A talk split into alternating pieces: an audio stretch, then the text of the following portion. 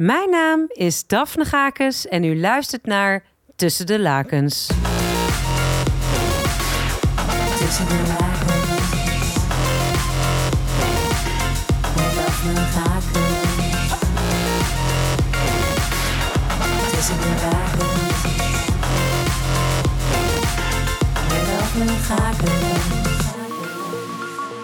Vanaf het moment dat ik me bewust werd van seksualiteit, draai ik iedere steen om op dit gebied. En ik blijk niet de enige. Met uitsluitend leuke mensen ga ik in gesprek over het leven, de liefde en alles wat zich afspeelt tussen de lakens. Tussen de lakens.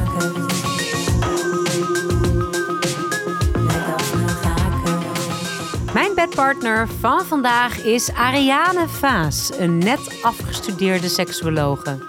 Ze blijkt een tijgerin tussen de lakens. We praten over seksproblemen en wat je leert tijdens de opleiding. We hebben vandaag dus een expert aan het woord. Dat betekent een iets andere opzet dan normaal. Praat jij vaak over je eigen seksleven in, met, met cliënten? Dat doe ik privé. Alleen privé. Ja, want zijn mensen nou heel geïnteresseerd omdat jij seksuoloog bent, hoe jouw persoonlijke seksleven eraan toe gaat? Dat denk ik wel. Tegelijkertijd is het ook iets. Ja, het is niet zo dat er in één keer vreemden naar me toe gaan met allemaal vragen over mijn seksleven. Het zou misschien wel zo kunnen zijn dat het toch ook wel een beetje verward wordt met gewillig zijn, seksuoloog zijn. Je zou Ja. wel knettergeil zijn de hele dag. Ja. Heb je wel eens dat soort opmerkingen naar je hoofd geslingerd gekregen? Vast wel. En, en wat natuurlijk wel zo is, het is niet zo dat ik patiënten nou per definitie veel daarover vertel. Maar je krijgt soms ook wel vragen van Hmm. patiënten. Van wat is nou normaal? Hoe zit dit? Hoe zit dat? En dan hoef ik het natuurlijk niet heel direct vanuit mezelf te vertellen. Maar je bent als seksuoloog ook wel heel erg bezig om dingen te normaliseren. Ja, precies. En En tuurlijk komt daar ja, ook een heel stuk van je eigen normen en waarden bij. dat valt me sowieso wel heel erg op als het gaat om zeg maar seksvragen. Dan willen mensen vooral eh, heel erg normaal eh, zijn. Ja. Dat is, dat is toch wel apart eigenlijk. Ik bedoel, als je het vergelijkt met andere beroepen of eh, rollen die je bekleedt in de maatschappij, wil je normale vriend zijn? Nee, je wil vast een bijzondere vriend zijn. Of wil je normale journalist zijn? Nee, je wil uitmuntende journalist. Maar als het gaat om seks, dan willen we de norm. Klopt. Heb je daar een verklaring voor? Wat je vooral ziet is dat mensen zich heel erg zorgen maken. Want doe ik het wel goed? Is het op de juiste manier? Hè? En er spelen natuurlijk allerlei dingen door elkaar. Dus het is een stukje cultureel, hè, maar ook allerlei persoonlijke ervaringen, wat mensen meekrijgen. En er loopt vaak zoveel door elkaar heen dat mensen heel erg op zoek zijn naar wat is nou hè, de, de rol die bij mij past. En waar denk ik daar misschien niet altijd helemaal super voor loopt, is dat er is niet een goed of fout. Dus het is Mm. vooral belangrijk op het moment dat je het hebt over seksuele vorming, seksuele ontwikkeling, dat het heel erg, dat gaat heel erg op gevoel. Dus dat moet je eigenlijk heel erg voelen. En we zijn natuurlijk tegenwoordig ook best wel op een heleboel terreinen wat meer los van ons gevoel. Dus we bedenken heel veel. Hè? Hm. Dat is misschien dan ook wel het nadeel van de hele evolutie en hoe dat bij ons allemaal hè, door is ontwikkeld. Dat Ja. we heel erg bezig zijn met, oké, hoe zou het moeten? Hoe is het goed? Terwijl eigenlijk wat goed voelt, dat is goed. Op wat voor manier je het ook wil doen. Maar hoe kan het dan dat we dan op dat seksuele vlak daar zo onzeker over zijn? Seks is natuurlijk ook wel iets wat heel erg dichtbij komt. Het wordt heel veel van Hmm. jezelf gevraagd. Je moet je heel kwetsbaar opstellen.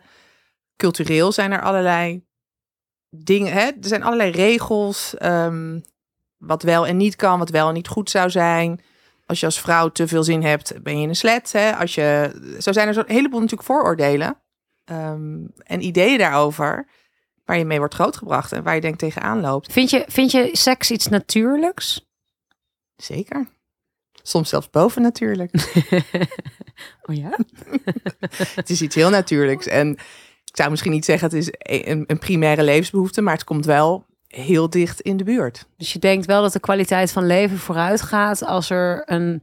eh, als mensen tevreden zijn over hun seksleven. Ja, en omgekeerd zegt het denk ik vooral ook heel veel. Dat als je in staat bent om een bevredigend seksueel leven te hebben, dat zegt denk ik heel veel over alle andere treinen waarop het dan goed gaat. En Ja, goed ja. zit. Ja, net als dat je kunt genieten van een lekkere maaltijd, daar moet ook wel een vorm van ontspanning aan, aan ten grondslag liggen. Ja, en nu zit er natuurlijk Ja. bij seks veel meer, ook op het gebied van hechting, op het gebied van vertrouwen. Er komt zoveel bij kijken dat ik denk op het moment dat je in staat bent om dat op een voor jou bevredigende manier te doen, dat dat zoveel zegt over nou ja, hoe je in je vel zit, maar ook eh, hoe je is in relatie tot anderen bent. Dus daar komt zoveel in tot uiting. Ja, En omgekeerd is denk ik ook zo dat, en dat zie ik ook wel, dat als mensen tegen allerlei dingen aanlopen en bijvoorbeeld ook op seksueel gebied zijn er problemen en je gaat daarmee aan de slag en dat verbetert, dan zie je vaak ook dat dat op andere terreinen ook voor verbeteringen zorgt. Hm.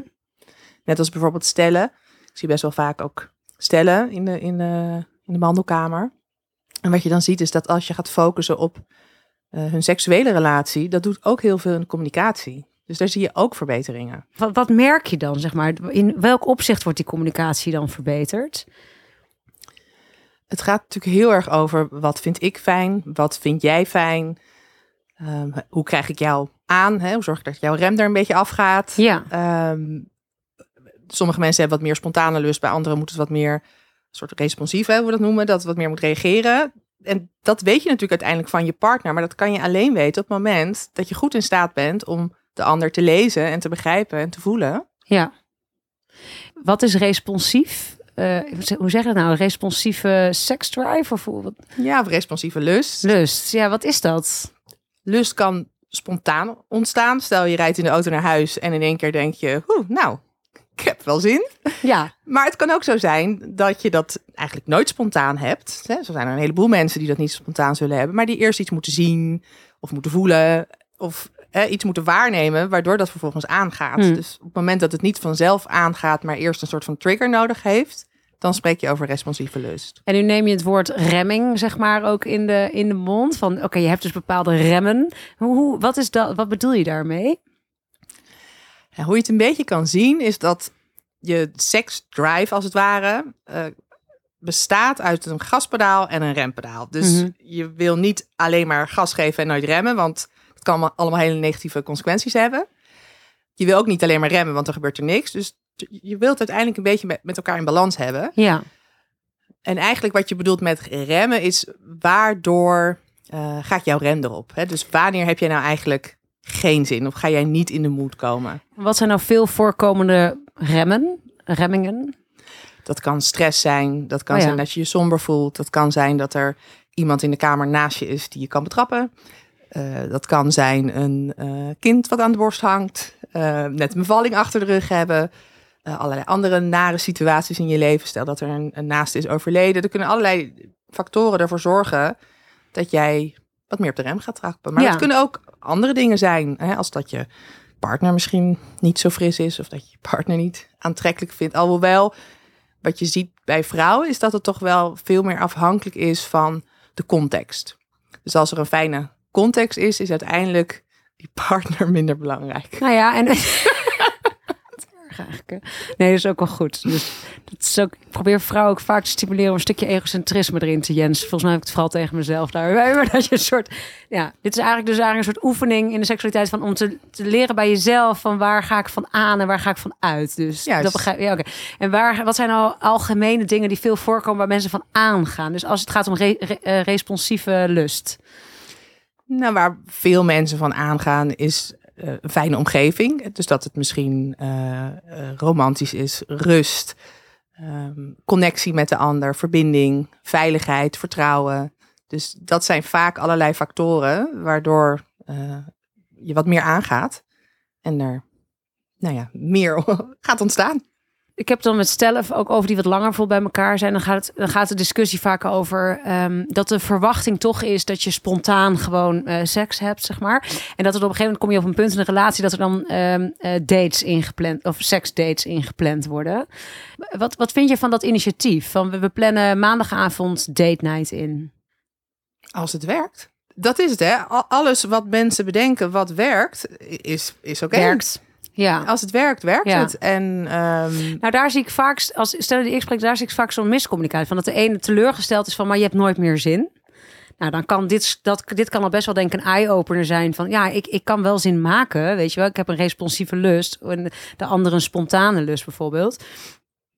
Maar dan het plannen kan voor iemand die spontane lust heeft, bijvoorbeeld als een enorm obstakel zijn. nou, dat is natuurlijk wel wat je vaak ook wel, wat ik ook wel zie bij stellen die langer bij elkaar zijn, is dat je niet goed meebeweegt met een veranderende context. Ja, ja. Op het moment dat je allebei vrijgezel bent, geen kinderen hebt, misschien nog niet een hele eh, zware drukke baan, eh, geen zieke mensen om je heen, dan zal het misschien ook wel vaker spontaan gebeuren. Hè? Dan is er minder, misschien Hmm. ook wel de remming. Maar er gaan natuurlijk in je leven allerlei dingen veranderen. Ja. Waardoor je ook soms anders met de situatie om moet gaan. En op het moment dat je daar niet op inspeelt, op die veranderingen, dan zie je dat er soms natuurlijk wel allerlei issues kunnen ontstaan over ja, je hebt geen zin meer, je doet nooit meer vanzelf. Nee, nogal logisch. Ik, heb, ik ben moe, ik heb er geen tijd meer voor, of het loopt anders. Dan moet je het misschien wel meer gaan inplannen. En als dat vervolgens werkt, Ja, why not? wat werkt, werkt. Ja, Nou, ik ben nu wel benieuwd eh, wat voor dier jij bent. ik heb er hier een aantal. Welk dier ben jij? dan ga ik voor de tijger. De tijgerin. Geef jij het duidelijk aan wanneer je je zin hebt, dan ben je een echt tijgervrouwtje. Tijgervrouwtjes krabben aan bomen wanneer ze een partner zoeken. Niet te missen dus. Een mannetje is enkel bij het vrouwtje gedurende de periode waarin ze krols is. Hij dekt haar dan meerdere malen. Een tijgerin paart het hele jaar door, maar leeft alleen. Oké, de tijgerin maakt dus blijkbaar veel. Maakt duidelijk eh, van, joe, ik, eh, het is tijd om te paren. Maar ik weet eigenlijk niet hoe het zit op het gebied van tijgers en seksueel genot. In hoeverre tijgers seks hebben ook om ervan te genieten. Nou, ik weet alleen dat tijdens het paren, zeg maar, pakt de tijger de tijgerin in haar nek. Dus het is een beetje dat is zo'n beeld van je haar pakken en, en, en doggy doen, zeg maar. Dat beeld krijg ik daarbij. Dus het is best wel een, een submissive. Dus het is best wel een beetje een soort... eh, onder, ze onderwerpt zich wel. Maar dat is dus het enige moment eigenlijk. Dus voor de rest... Het is dus een heel erg op zichzelf staand dier. Dat vond ik wel heel erg apart eraan. En wat ik ook las over de tijger is dat ze... De, het is vaak de eerste lichting welpjes, die, die stoot ze vaak af.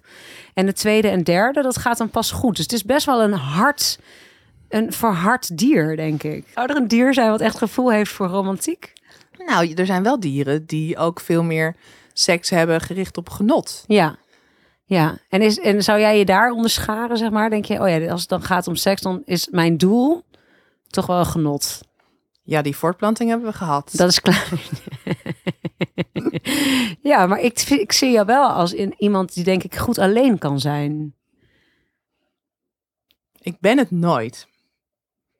Als ik in de auto zit, Het is misschien het grote goed in je leven. wie weet. De Wie weet komt er een dag dat ik. Nee, ik weet het niet. Nee, ik, ik ben weinig alleen, dus ik heb daar weinig ervaring mee. Ja, Maar goed, we hebben het nu over seks, toch? Hoe dieren versieren. Ja. En dan is alleen zijn ook niet de manier. Nou ja, ik denk dat als je zeg maar zelf van je zou een afhankelijkheid hebben, hè, je zou heel moeilijk alleen kunnen zijn. Dan heb je natuurlijk al dat je, dat je iets an, dat je niet alleen, dat je misschien ook wel seks inzet om iets anders voor elkaar te krijgen bij zo'n mannetje, weet Zo. je wel?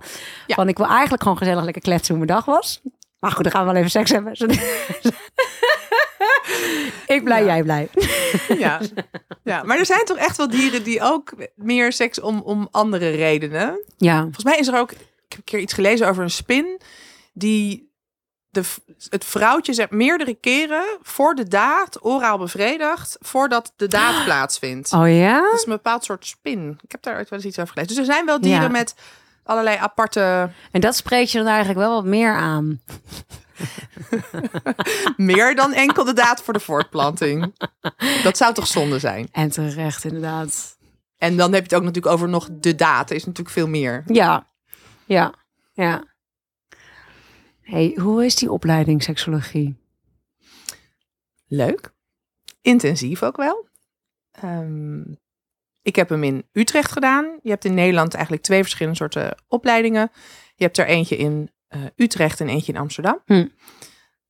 Ehm, en eigenlijk is dat in Nederland de enige eh, erkende opleiding. Namelijk die leidt op tot seksuoloog en VVS. Ja. Dus dat is de Nederlandse Vereniging voor Seksologie.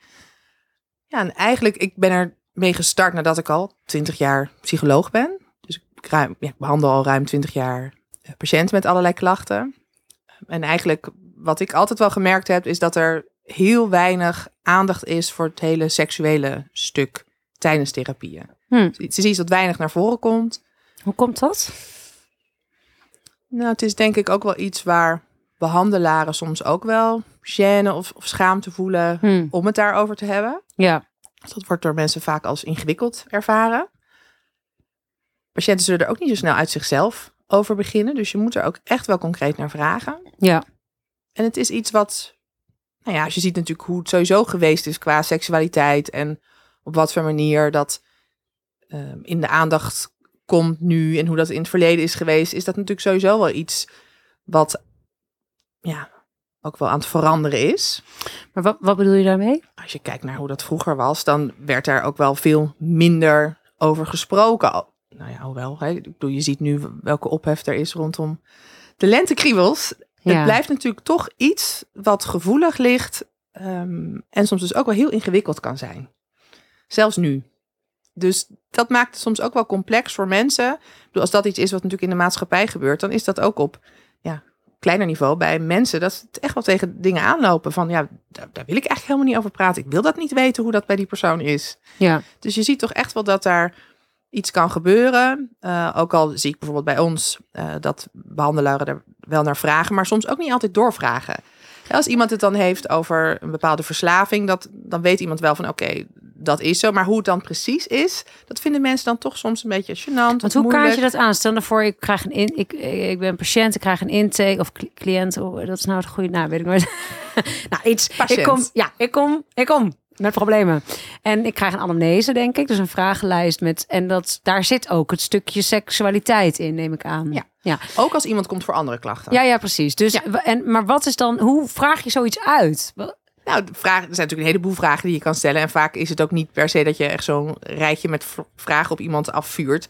Maar je raakt in gesprek Oh ja. daarover. Hè? Dus je vraagt aan iemand wat de eerste seksuele ervaring is geweest. Wat voor iemand voorlichting heeft gekregen. Hoe er thuis werd omgegaan met seksualiteit, met bloot zijn, met lichamelijk contact. Hmm. eh, ervaringen op school, met vriendjes, vriendinnetjes, hoe er geoefend, geëxperimenteerd is, ehm, eh, relaties, of er nare ervaringen zijn, Ja, hoe het is met solo-seks, of mensen daar wat over kunnen vertellen. Eh, wat verder eh, in de seksuele relatie, of daar bijzonderheden zijn. En er zijn natuurlijk ook genoeg mensen die niet ergens tegenaan lopen. Maar wat ik wel merk, op het moment dat je concrete vragen gaat stellen, dat je wel heel duidelijk krijgt op het moment dat er wel iets aan de hand is. Ja. Daar moet je toch echt vaak concreet naar vragen. ja, ja, ja. En nu merk je dus al in jouw eh, loopbaan als psycholoog, nou, dat ging jou goed af. Misschien beter Ja. dan, dan collega's. Is dat ook de reden waarom je hebt besloten om dan de opleiding te gaan doen? Of had je daar een, andere motief, een ander motief voor?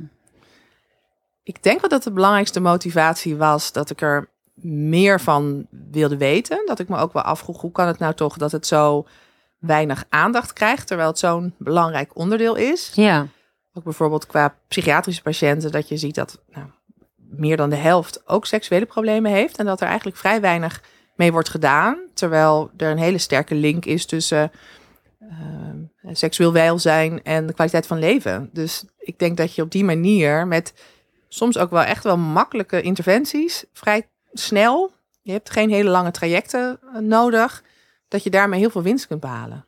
En dat het zonde is om dat te laten liggen. en wat zijn die makkelijke interventies dan? Nou, makkelijk klinkt misschien ook, dus is niet het, ju- het juiste woord, maar waar je bijvoorbeeld iemand die met persoonlijkheidsproblematiek komt, ja, een gemiddelde behandelduur is zo anderhalf jaar.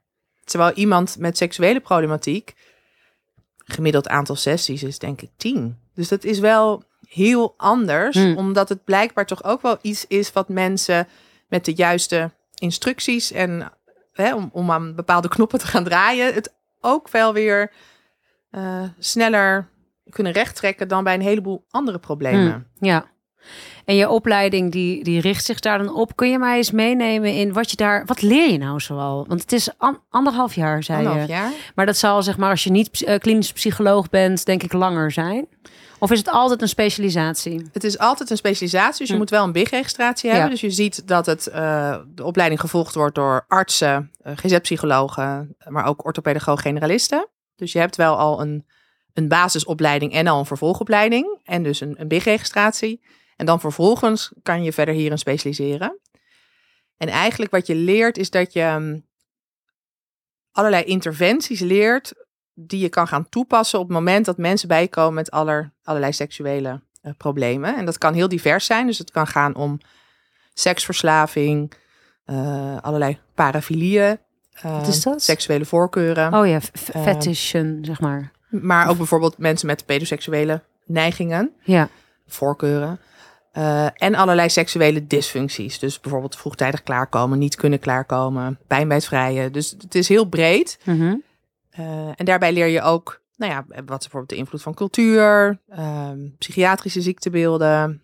Eh, je krijgt ook les over allerlei gender issues. Eh, dus het is heel breed. Ja, Ehm, en ik denk dat het, het belangrijkste in de opleiding is dat je leert om vooral natuurlijk met de patiënt te kijken van oké, wat is het probleem? Hoe kunnen we dit gaan oplossen? Dus je gebruikt ook wel heel veel van vaardigheden die je tijdens eerdere opleidingen hebt geleerd. Het is wel echt een specialisatie. Maar ook wel eigenlijk hoe belangrijk het is dat je een niet oordelende eh, houding hebt. Ja. En dus ook heel veel normaliseren. maar dat lijkt me heel lastig, want je hebt zeg maar eh, je professionele pet op. Maar het is wel een onderwerp wat ergens je, hoe je zelf seksueel bent opgevoed, of het open was thuis of gesloten, of je eigen seksuele ervaringen. Het is bij uitstek een onderwerp volgens mij waar je enorm je persoonlijke of je persoonlijke overtuigingen ook eh, meeneemt. Ja. Ik denk Zo. ook wel dat niet iedereen zal ook voor die opleiding kiezen. Want je moet in die zin natuurlijk ook wel, en dat is met veel dingen, hè, dat is niet alleen op het gebied van seksualiteit, maar je moet ook wel je eigen ideeën soms ook los kunnen laten. Want het, het gaat niet om jou. Hmm. Eh, Maar dat is denk ik wel breder dan dat. Dat is denk ik sowieso een houding die je als ehm, zorgverlener eh, wel moet hebben. Ja, ja, ja, ja, ja. En er is ook niet een, een normaal. Ja, er moet een bord op je hoofd staan van alles is bespreekbaar in die zin. Ja. Er zou dan maar zo'n dwel van een vent tegenover je zitten. Die dan Ja. komt klagen. Ja, mijn wijfje wil nooit. En eh, ja, god, ze zegt steken maar tussen de deur. Maar ja, weet je, ik ben gewoon een man. En ik moet gewoon af en toe mijn zaadloos. Ik heb echt blauwe ballen. Ja, hoe ga... En dan, nou, je hoort het allemaal zo aan. dan, dan gaat er toch van alles in je systeem. Ja, maar dat leer je denk ik sowieso wel meer uitzetten. Het- Ja, het, ja, ja. het maakt niet zoveel uit wat ik van iemand vind. Of wat ik Mm. ervan vind wat iemand doet. Of eh, wat iemand wil. Of... Het, het gaat mij eigenlijk erom.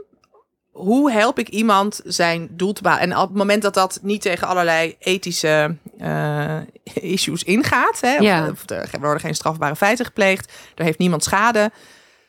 Ja, Ja, ja. Maar wat zou je zo'n man dan adviseren? Ik zou sowieso hem adviseren. Ik zou hem wat uitleg geven over hoe het werkt. Dus bijvoorbeeld het, eh, wat we net over hadden van de rem en, en het gaspedaal. Hè, En, en hoe dat nou eigenlijk werkt, eh, hè, zo'n seksuele responscyclus. Maar nog veel belangrijker, op het moment dat er issues zijn met een partner erbij, dan wil ik eigenlijk altijd wel de partner erbij hebben. Ja. Want je kan het wel gaan hebben over eh, seks met één van de twee, maar je hebt toch die ander nodig. En dan is het soms eh, heel snel ook weer klaar. Hè, dat, dat, Ja, want hier zit dus ook natuurlijk dan dat de man wel eh, ervan overtuigd is dat hij er recht op heeft. Hoe krijg je het nou aan, aan zijn neus dat dat, dat dat niet opwindend is voor de ander? dat is een kwestie van spiegelen. Ja, daar heb je natuurlijk allerlei technieken voor. Oh ja. En waar het vooral om gaat, is dat zij samen weer op één lijn komen. Hè? Ervan Precies. uitgaan dat hij een partner heeft. Ja, Ehm, en er zijn soms ook stellen die zijn happy met het idee. eh, hij wil dit, ik doe dat. eh, ja, ook oké.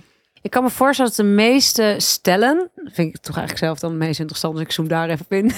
Stellen die naar een seksuoloog gaan, eh, bezwijken onder de druk van seks. Dus geen seks hebben, dat wel graag willen en het niet voor elkaar krijgen. Zeg maar, wat, wat klopt dat? Dat dat een grote, dat dat de.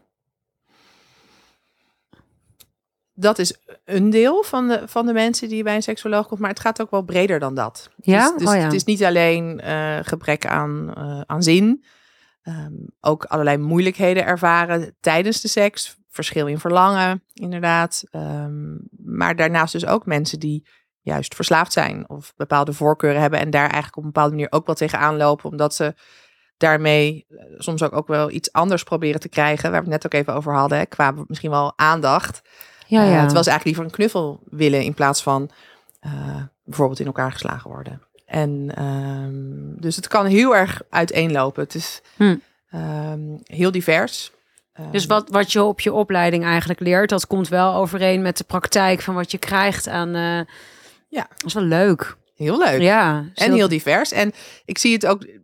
Wat ik natuurlijk wel doe, is voorlichting geven over hoe het is. En je hebt natuurlijk soms ook eh, eh, genoeg mensen die bepaalde ideeën hebben over seks. ehm, waarvan je denkt, nou, hè, misschien is het wel anders. Of hè, dan haal ik er wel eens een onderzoek bij. Of dan leg ik wat uit. Dus het is ook wel veel. En kan je daar een voorbeeld van noemen zonder een eh, patiënt in discrediet te brengen? Maar wat nou iets waarvan ik oh, dat staat me echt bij. Dat het was, dat was een, ik heb daar iets gehoord over hoe een ander seks ziet. Nou ja, natuurlijk ook wel het hele stuk rondom penetratieseks. Dat er toch echt nog wel eh, ook vrouwen zijn die denken... er is bij mij iets wat niet goed werkt... omdat ik geen orgasme krijg als ik penetratieseks Ja, heb. Dat oh is ja. wel echt iets wat toch echt nog wel regelmatig terugkomt. Hmm. Eh, of ik vind dat eigenlijk helemaal niet lekker. Ehm, ja, Ja, dus dus, dus, er is iets mis met mij. Ja, ja. Dat is iets wat wel Het is vaak... niet normaal. Ja. Ja, ja. En dan kan je natuurlijk wel op zo'n moment eh, wat onderzoeken erbij halen. Of zeggen van, joh, dit is wat we weten, dit is bekend. De meeste vrouwen krijgen geen orgasme van... Dus je kan ook best wel veel uitleggen en daarmee dus ook alweer normaliseren van... Het geeft niet, dus je hoeft ook niet eh, dat. Hè? Misschien zijn er nog een heleboel andere mogelijkheden. Ja, nu had ik een tijdje terug een, eh, een gesprek met eh, Patricia. En zij zei dus van, of dit is een twee afleveringen hiervoor. en zij zei dus van, hey, ik heb dan helemaal, ik, nou, ik weet dat dan, hè? Van, oké, dus penetratie is niet het hoofddoel en voorspel klopt dus feitelijk niet, want het initieert of dat impliceert dat er een hoofdspel is en, en, en het voorspel is het hoofdspel, want penetratie is niet het hoofddoel. Of dat is te veel vanuit de genot van de man gedacht. Maar het in de praktijk brengen daarvan, ik ben, zij is een vrouw van midden 40 geloof ik, van ik, ze zegt ik ben ook zo echt, ja, toch wel geïndoctrineerd of het is zo de norm geworden dat je dat ze zelf voelt tijdens die seks dat ze er eigenlijk al naartoe aan het sturen is, naar die penetratie toe, omdat het lekker efficiënt is. Efficiënt op wat voor manier? Eh, ik, eh, zij hebben dan een maniertje, zeg maar, hoe ze dan in die penetratie allebei kunnen klaarkomen. Dus het, is, het orgasme staat centraal, zeg maar, weet je wel. Dus het is een soort van, we komen allebei klaar, vinden allebei wel lekker. En het- ja, het kost weinig tijd. Dus we hadden het daarover van, leggen we onszelf dan niet ook een enorm iets op, weet je wel? Van, je wil dan, nou, de feminist in haar zegt dan van, eh penetratie, geen hoofddoel. En dan in de praktijk is het de makkelijke weg. Hè? Is gewoon ge- gemak, wat ook, eh, denk ik, hè, dat, dat conflicteert een beetje met elkaar. Dus ik kan me ook voorstellen van als je dat als cliënt zeg maar hoort van, oh oké, ik mag dus andere vormen, dat het best wel moeilijk is om in de praktijk. Ja, alleen Ook bij- niet bij op die haar, penetratie gefocust Hoe je het vertelt, vindt zij het dus uiteindelijk juist makkelijk en wel lekker. Het is prima, weet je wel? Prima. Ja. Oké. Goed genoeg, seks. Ja. En dat, Wat, wat ik denk, wat echt prima is, als je heel lang, ze zijn al heel lang bij elkaar, weet je wel. Dus dan denk ik, nou, het, het- je hebt seks. nou, maar het is toch niet zo als je heel lang bij elkaar bent dat je alleen nog maar een beetje vanille seks hoeft te hebben? Nou, ik denk wel dat, dat je, tel je zegeningen, weet je wel. Van, eh, het is denk ik wel heel fijn als je, als, je, als je dat gezond weet te houden. Ze gaf het een 7.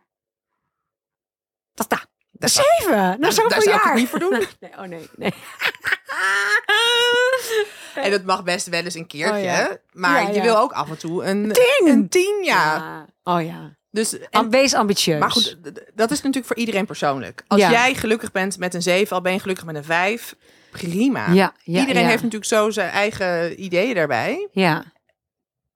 En dan even terugkomend op van, oh ja, dus dan krijg je die nieuwe kennis. Nou, dat kan, ik weet het zelf uit ervaring, zeg hoe dieper ik in die seksualiteit duik, dat kan echt zo'n epiphany zijn van, oh, en nu vallen allemaal puzzelstukjes op zijn plek. Maar het in de praktijk brengen is natuurlijk wel, daar heeft iemand begeleiding bij nodig, kan ik me zo voorstellen. Van het, echt- want je zit in zo'n seksueel script met elkaar. Dus misschien even, dus je zit van, je bent langer bij elkaar en je hebt je maniertjes om het te doen. Ja, kom er maar eens uit. Heb je daar, zijn daar oefeningen voor? Ja, er zijn heel veel oefeningen. Ehm, en er zijn wat natuurlijk vaststaande oefeningen. Maar het is soms ook een kwestie van een beetje creatief met elkaar op zoek. Want geen één stel is hetzelfde. Hmm. Dus het ene stel heeft behoefte aan hele andere oefeningen of opdrachten dan weer het andere stel. Ja, ja. Dus dat is toch altijd een beetje met elkaar zoeken van wat past bij jullie. Eh, waar voelen jullie je goed bij? Wat zou jullie kunnen helpen? En wat is dan zo'n, bijvoorbeeld zo'n instapopdracht, zeg maar? Wat je eigenlijk meestal, nou, loop maar even warm samen. Zo. Wat het, een echte instapoefening is bijvoorbeeld de Sensate Focus. Dat is, daar heb je misschien wel wel eens van gehoord. Nee. dat is een oefening waarbij je ehm, eh, om de beurt elkaar gaat aanraken op allerlei manieren. Eh, niet met als doel om seks te hebben. Hm. Dus dat is ook absoluut een soort van eh, hoe je start verboden terrein. En dan gaat het dus vooral ook om elkaar aanraken op allerlei verschillende manieren en bewust worden van wat vind ik prettig. En daar daarna ook over met elkaar in gesprek gaan. Dus op die manier weer een eerste keer ehm, contact met elkaar maken.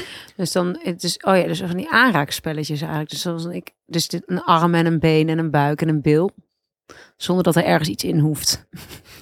Zonder dat er ergens iets in mag. Mag. Ja, dat is ook gelijk heel sexy natuurlijk.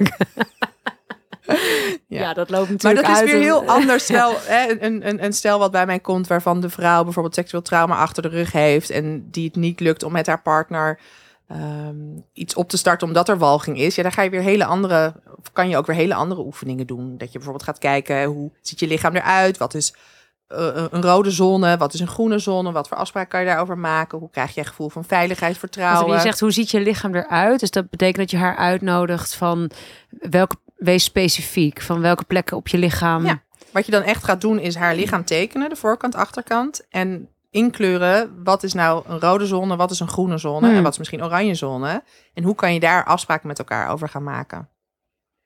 Maar is dat niet ook iets wat fluïde is? Weet je wel dat je kunt zeggen van, eh, oh ja, mijn buik is een rode zone vandaag. Dan is die, dan is die dus oranje. Ja, oh ja, precies. Dan ja, is die ja. oranje. Oh Dus dan is die soms rood, soms groen. ja. Dus dan is het Even even, check, aftasten in het moment. Van, Wat heerlijk praktisch dit. Ja. Dat is toch al, of ik denk al voor de ander, een heel lekker duidelijk eh, schets. ja, ja, of bijvoorbeeld mensen, hè, iemand die met een autisme-spectrumstoornis die het bijvoorbeeld heel moeilijk vindt om dan om te schakelen. ehm, die op zich zegt, ik wil wel seks, maar ik kan niet als ik met iets bezig ben. Ik, dus ik moet dat plannen. Ik moet daar bepaalde handelingen voor verrichten. Klaar. Weet je, dus dat is weer heel anders. Dus het wisselt heel erg. Het is niet dat je een standaard protocol hebt wat je bij iedereen afdraait. Wat zijn nog meer hulpvragen? Je denkt, oh, die heeft me nou echt verbaasd. Want daarvoor kon je ook naar een seksoloog natuurlijk. wat ik wel leuk vind, is dat het zo divers is. Het kan echt Hmm. alle kanten op gaan. Dus inderdaad, ik, ik merk dat ik een, ehm, eh, een, een, een, een, eh, pedoseksuele voorkeur heb. Eh, Daar wil ik eigenlijk vanaf. Hè? Of ik, ik wil er geen last van hebben. Ik wil er al helemaal niet naar handelen. Hoe ga ik daarmee om? Eh, tot ik eh, eh, ben porno verslaafd. Hoe kom ik daar vanaf? Ehm, ik wil juist meer zin hebben. Ehm, ik wil mijn relatie veranderen en kijken of ik of ik met, samen met mijn partner andere afspraken daarover kan gaan maken. Ehm, ik wil van mijn pijn bij het vrije af. Ik wil een orgasme kunnen krijgen. Ja, en zo kan ik nog heel lang doorgaan. Eh, De, de, de, de persoon met pedofiele problemen, dat is nogal een stap om naar een seks. Ik denk dat voor iedereen een stap is om naar een seksoloog te gaan. Maar daar zit zoveel taboe op. Dat lijkt me al eh, dat je bijna iemand applaudiserend in de kamer kan ontvangen. Van, dat is natuurlijk wel, dat lijkt mij wel schaars eigenlijk. Dat iemand. Ja. Ja, En, en eh, pornoverslaving bijvoorbeeld. Eh, dat lijkt me ook best wel moeilijk om dat eh, uit te spreken. Ja, ik heb tegelijk de associatie met mannen, maar dat hoeft natuurlijk helemaal niet. zeker niet. Maar dat, Nee, en seksverslaving, hè, dat- kan natuurlijk zijn door het kijken van porno, maar het kan ook zijn door de hele dag eh, te masturberen of ja. veel prostitutiebezoek of dagelijks wisselende seksuele contacten. Dat kan natuurlijk heel. ja, want wat maakt iemand dan verslaafd? Kijk, op het moment dat je veel seks hebt en daarvan geniet en dat prettig vindt, dat is natuurlijk heel iets anders dan dat je het doet omdat je het gevoel hebt dat je het moet doen en niet zonder kan en dat het iets anders vervult. Ja, nou dat lijkt mij inderdaad een duidelijke lijn voor dan heb je een verslaving en dan geen passie meer. Nee, en heb je er ook last van. Dus dat je ook in de problemen komt. of Dwang, dat je, continu... dwangmatig. eh, inderdaad. Dus ik moet eerst nog één pornootje kijken, dan kan ik de deur uit. En dan zo. Ja, of Ja. moet eigenlijk werken, moet, eigenlijk- eigenlijk een deadline, moet eigenlijk moet dingen werken. werk, maar Ja. moet toch nog echt Terwijl even- het wel weer iets is waar je porno juist, denk ik, of masturberen. Het, het is toch waar je het vaak voor inzet ook. Van, nou, ik moet eigenlijk dit doen, maar god, ik ga nou even masturberen, zeg maar. Dus- veel eh, als Ja. verveling. Verveling, denk ik gewoon deadline vooruit, een beetje ontsnappen. Een beetje net als een zak chips of zo. Van, er zit natuurlijk ergens een escapisme in dat, hè, in seks überhaupt misschien sowieso wel. Maar dat is alle vormen van genot. Je moet iets doen wat akelig voelt, weet ik veel. Een stuk schrijven, iets waar je weerstand op hebt. Dus je gaat iets doen wat lekker voelt. Natuurlijk ergens weer hoe het menselijk brein werkt, toch ook? Maar nou zijn er natuurlijk dingen die schadelijker zijn Ja, dan ja. masturbatie. Het ligt er natuurlijk ook maar net aan hoe vaak, welke frequentie. eh, Ja, En ik hoor jou eigenlijk zeggen, ja, dus zodra je er eigenlijk zelf last van hebt, beperkt wordt in je ja, dagelijks leven, Ja. zeg maar, je manifestatiekracht omlaag haalt dan, eh, of je omgeving. ja, en als het mogelijk ook negatieve consequenties heeft. Dat Zoals pijn. eh, ziektes. Ja. Oh. ongewenste zwangerschappen. Oh ja. Eh, inderdaad, allerlei lichamelijke. eh, Ik kreeg vorige week moest ik scholenvoorstelling spelen. Dat was zo schattig. Of dat van ik, ja, ik vind alle, alles met jonge mensen vaak ontroerend. En nu zei een jongen tegen mij: eh, Mevrouw, kan je ook te vaak masturberen? En wat zei je? Nou, ik zei, ja, nou even verifiëren. Ik zei, zolang je geen pijn ervaart en het leuk is, niet. Ja. Wel goed?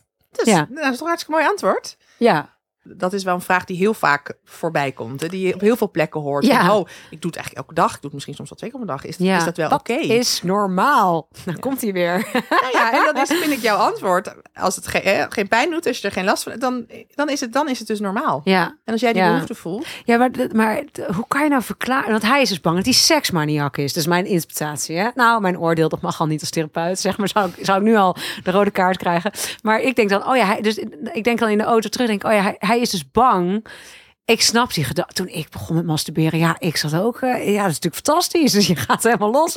Hè, die puberteitshormonen, alles. Ja, de. eh, leuk. Je zou daar denken, good Ja. for you aan de ene kant. Maar ik snap zijn angst wel heel erg. Maar ergens heeft hij dus waarschijnlijk ergens iets gehoord of ergens iets opgevangen. oh ja. Dat dat dus niet zo is. Op het moment dat hij Ja. een moeder zou hebben gehad die een keer misschien iets terloops heeft genoemd van, oh ja, eh, masturberen, ja, een dag niet gemasturbeerd is een dag niet geleefd, hè, dan, dan zal de jongen dat niet denken. Precies. Terwijl als er ergens natuurlijk toch een keer iets wordt genoemd van, nou, hè, dat, eh, ja, dan krijg je daar natuurlijk toch. Dit is natuurlijk fascinerend aan seksualiteit. Dat bij, iedereen heeft er een mening over. de- en het gaat vaak terloops.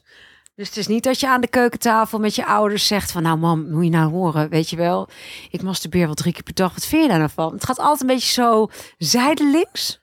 Zo'n opmerkingje van inderdaad zo'n moeder. Dat kan dat hele beeld eh, veranderen.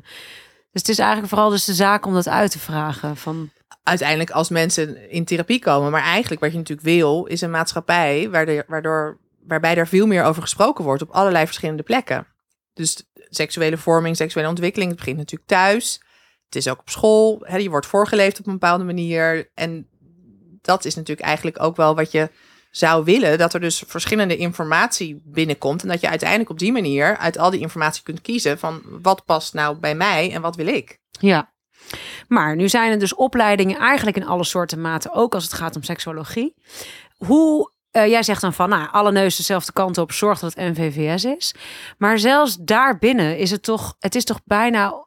Kijk, het zou perfect zijn als we een soort één norm eh, uit gaan rollen. Hè? Van we denken dus allemaal zo over seks. Maar dat is, als ik, ik spreek nu ook best wel wat seksuologen. Daarbinnen is al ontzettend veel verschil.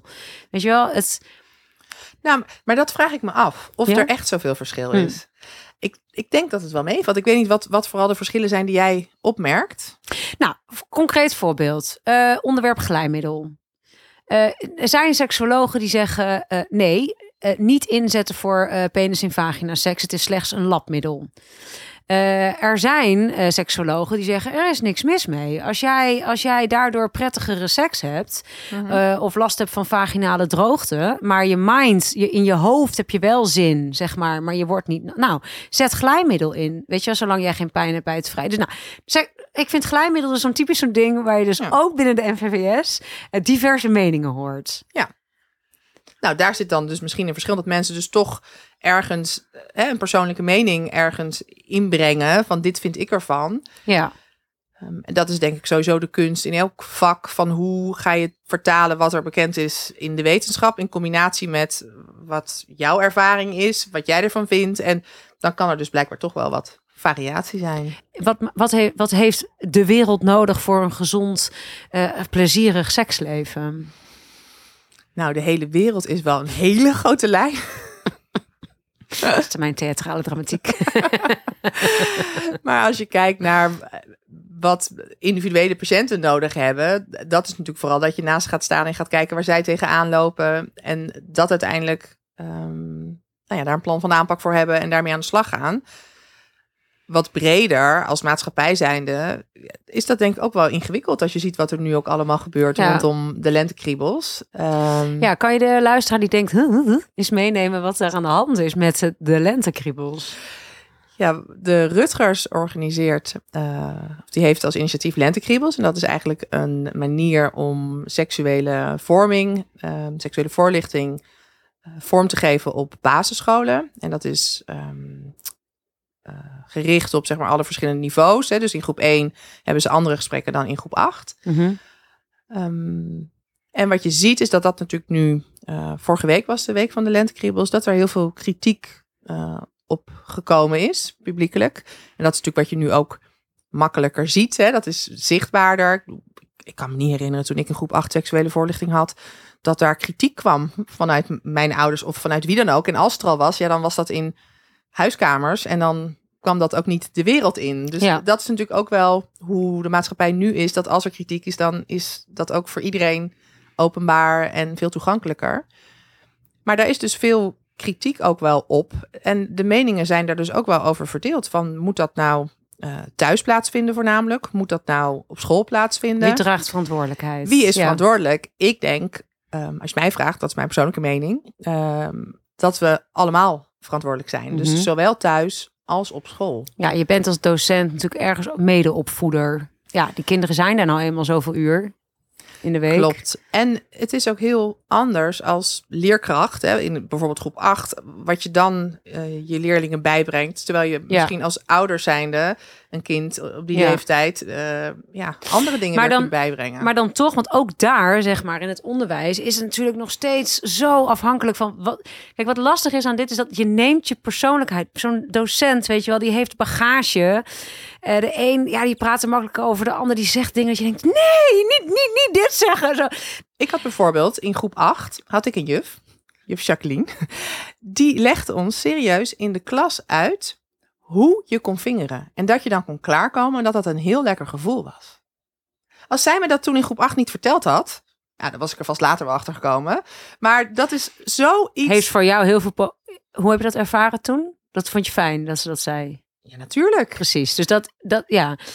Maar dat komt ook door, ja, weet je wel, jouw achtergrond. Ja. eh, dit is natuurlijk ook, snap je? Dit zegt ook iets over jouw persoonlijkheid en jouw achtergrond en hoe waar je, uit het gezin waar jij vandaan komt, zeg maar. Ja, maar ook dus de- eigenlijk de invloed van zo'n opmerking Ja. van een juf. Ja, maar die valt bij jou in goede aarde. Ja. Weet je wel?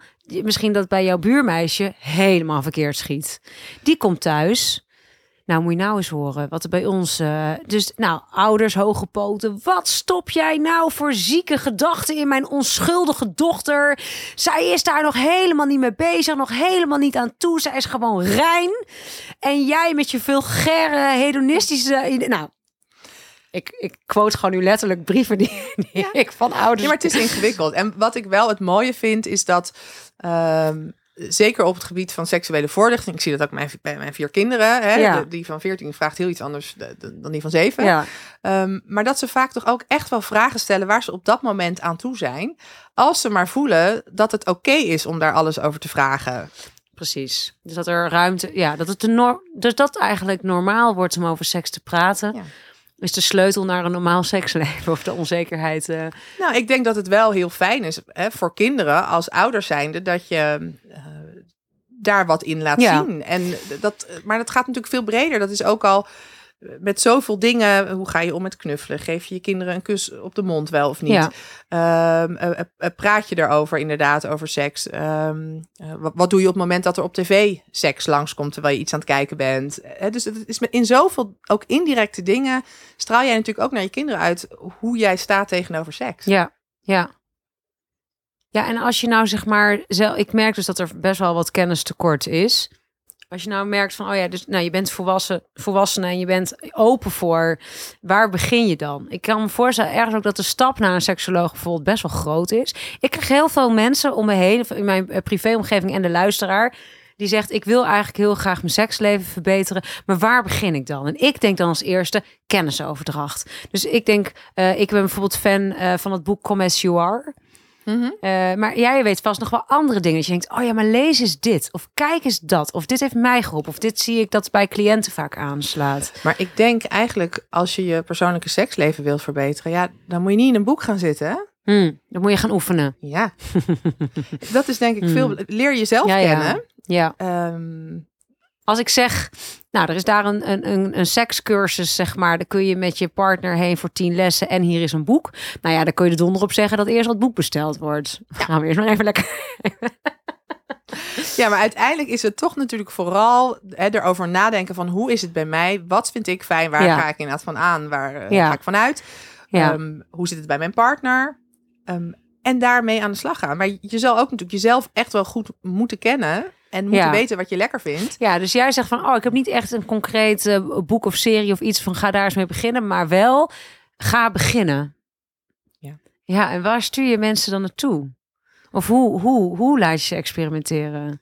Dat verschilt heel erg van persoon tot persoon. Dus ik ga niet Ja. zeggen, je moet Oh, eh, ga op eh, Pornhub en ga dit, ga dat. Maar er zijn Ja. mensen die zeggen, joh, ik merk dat ik het af en toe, dat ik wel opgewonden raak van eh porna. Of dat ik eh, opgewonden raak van eh, als ik naar die porno kijk. Of als ik verhalen lees. Of als ik ehm, eh, iets aantrek. Of, hè, er zijn natuurlijk altijd Oh, ja. wel dingen Ja, precies. waarvan mensen Dus je zeggen... gaat het palet een beetje verbreden. Ja, dus je, je kan natuurlijk van alles benoemen. Ja. Maar uiteindelijk gaat het erom, oké, waar ga jij van aan? Ja, ja, ja. Dus je gaat zoeken naar wat is er allemaal. Ja. Ehm, en zit daar ook een... Want eh, stuur jij mensen ook wel eens op een cursus bijvoorbeeld? Oh nee, Nee. je geeft echt concrete oefeningen. Gewoon kleine dingetjes wat ze... Ja, alleen nou zal je niet. Ik heb eigenlijk nog nooit iemand gezien die bij mij kwam en die zei: Ik heb geen partner en ik heb geen zin en dat vind ik een probleem. Heel vaak openbaart zich dat natuurlijk pas op het moment dat je een partner hebt. En dat je merkt: Oh ja, ik heb geen zin, maar ik wil eigenlijk wel iets met die partner. Ja. Terwijl op het moment dat, dat je Oh, alleen met geen zin hebt, ja. loop je daar nou echt tegenaan? Ja, inderdaad. Boeien. Ja, Ja, het, is misschien zonde dat je Ja, niet ja. dat genot hebt. ja maar het is dat de ander dat... eh, ja, ja, ja, ja, ja. dus eigenlijk eh, dat het niet sync loopt. Ja, dus het is veel vaker inderdaad toch een verschil in verlangen bij twee partners. Dat er dan mensen komen van oké, hoe lossen we dit op? Hoe Ja. komen we weer... Ja. eh, Nou, en als het dan bijvoorbeeld gaat om, eh, nou, wat denk ik ook veel voor is een vroegtijdige ejaculatie bijvoorbeeld. Is dat iets wat je kunt, is dat, is dat, is dat iets wat je kunt verhelpen? ja, dat kan op verschillende manieren. Je hebt dus ook oefeningen. Je hebt een, een zoals we dat noemen, start-stop oefening. Ik moet dan altijd denken aan de... Mijn kinderen hadden zo'n racebaan, zo'n dardarbaan. Had je ook zo'n start-stop systeem. Dus toen moet ik Ja, altijd een ja. beetje Oh, aan ja, denken. ja. Maar er zijn natuurlijk ook eh, manieren, bijvoorbeeld met medicatie. Eh, dus sommige medicatie, som- voor sommige problemen kan ook medicatie worden ingezet om Ja. een handje te helpen. Ehm, dus dat is denk ik als seksuoloog ook heel belangrijk. Dat je goed weet wanneer werk ik met wie samen. Hè? Wanneer eh, schakel ik ook bijvoorbeeld de huisarts in. ehm, die mee kan kijken wanneer moet iemand naar een gynaecoloog. Wanneer is een eh bekkenbodemfysiotherapeut van belang om in te zetten. Dus dat het heel goed is ook, ook om te weten van oké, hoe eh, kan je dit met elkaar doen? Want Hmm. als je kijkt natuurlijk vaak naar seksuele problematiek. Het is niet alleen psychisch. Het is ook eh, vaak biologisch. Ehm, Hmm. Dus het is heel belangrijk om te weten wat kan ik wel en wat kan ik niet. En nou, hoe doen we dat met elkaar? Ja. Dankjewel dat je mijn gast wilde zijn. Graag gedaan. Is er nog iets wat je zou willen delen?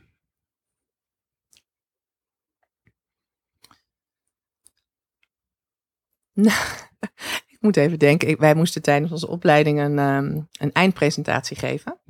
Over iets waar je eigenlijk niet zo heel veel over wist vanuit de wetenschappelijke literatuur. En toen dacht ik, nou, wat mij wel opvalt, is dat er eigenlijk in geen enkel voorlichtingsboek iets staat over vrouwelijke ejaculatie en eh squirten. Dus daar heb ik me eigenlijk volledig in ondergedompeld, me in Wat verdiept. leuk. Ja, en dat was eigenlijk best wel interessant. Ehm, dus ik dacht, misschien is dat nog wel eentje om, om mee te geven. Wat heb je, wat heb Als je, een, als wat, een uitbrander. wat heb je ontdekt dan? Of waar, waar ben je achter gekomen? Nou, dat ehm, vrouwelijke ejaculatie en squirt, dat zijn eigenlijk twee verschillende eh, fenomenen. Mhm. Vrouwelijke ejaculatie, eh, dat vindt altijd plaats na een orgasme. En dan komt er een eh, kleine hoeveelheid van een wat dikkere witte substantie vrij. Eh, Zijn dat die kliertjes van skenen? dat zijn de kleertjes van Oh Skenen. ja. Klopt. Dat kost na, na zeg maar het kloppende gevoel. Ja. Oh, Ja, dan kan daar dus iets vrijkomen. En daar zit dus ook, dat heet PSA, prostaatspecifiek antigen in, wat ook in sperma zit. Ehm, en dat komt dus vrij na een orgasme, kan dat vrijkomen. Maar dat is iets anders dan squirten. Want bij squirten zie je dat er eigenlijk een grotere hoeveelheid eh, vocht vrij kan komen. En dat kan zowel voor, tijdens als na een orgasme plaatsvinden. Maar ook daar zit dat PSA in. ah, Ehm. dat, om maar even zeggen, het, het soort sperma-achtige substantie. Klopt. ja. En dus het is natuurlijk altijd een beetje de eeuwige discussie. Hè? Op de een of andere manier is het iets wat mensen heel interessant vinden. En ook wel van, is het nou urine? Is het nou plas? Nou, ja, ik weet niet of je ooit wel eens hebt geprobeerd om tijdens de seks te plassen. Nee. Nou, dat Lukt is, niet. dat is best wel ingewikkeld. Ja, ja. Hè? Er zijn natuurlijk mensen die Kan dat... ik me wel voorstellen. Want je moet wel even, als je gaat zitten op de wc, wel even, ah, we gaan nu plassen. Dus daar zit een soort, dat is ook wel techniek. Juist. Ja, Ehm, en het is eigenlijk zo'n grote hoeveelheid die sommige mensen hè, ook tijdens het squirten kunnen laten vrijkomen. Bewust dan wel onbewust. Het kan ook niet, het wordt niet door de nieren gemaakt. Ehm, dus het, het is geen urine. Er zitten wel restjes urine in. Zit ook in sperma overigens, maar daar hoor je nooit iemand over. Hè, dat Hmm. komt ook via de urinebuis naar buiten. Ehm, dus de vraag is natuurlijk eigenlijk wel een beetje, wat is het nou?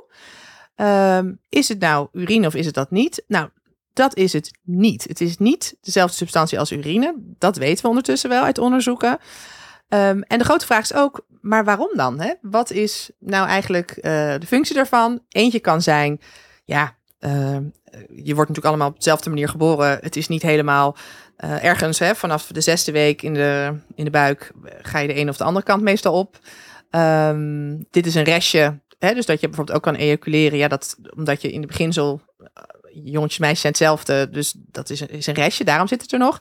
Maar wat je ook ziet is dat PSA, de stof die erin zit, heeft een antibacteriële werking. Dus dat is natuurlijk eigenlijk ook wel heel interessant. Van wat doet dat bijvoorbeeld?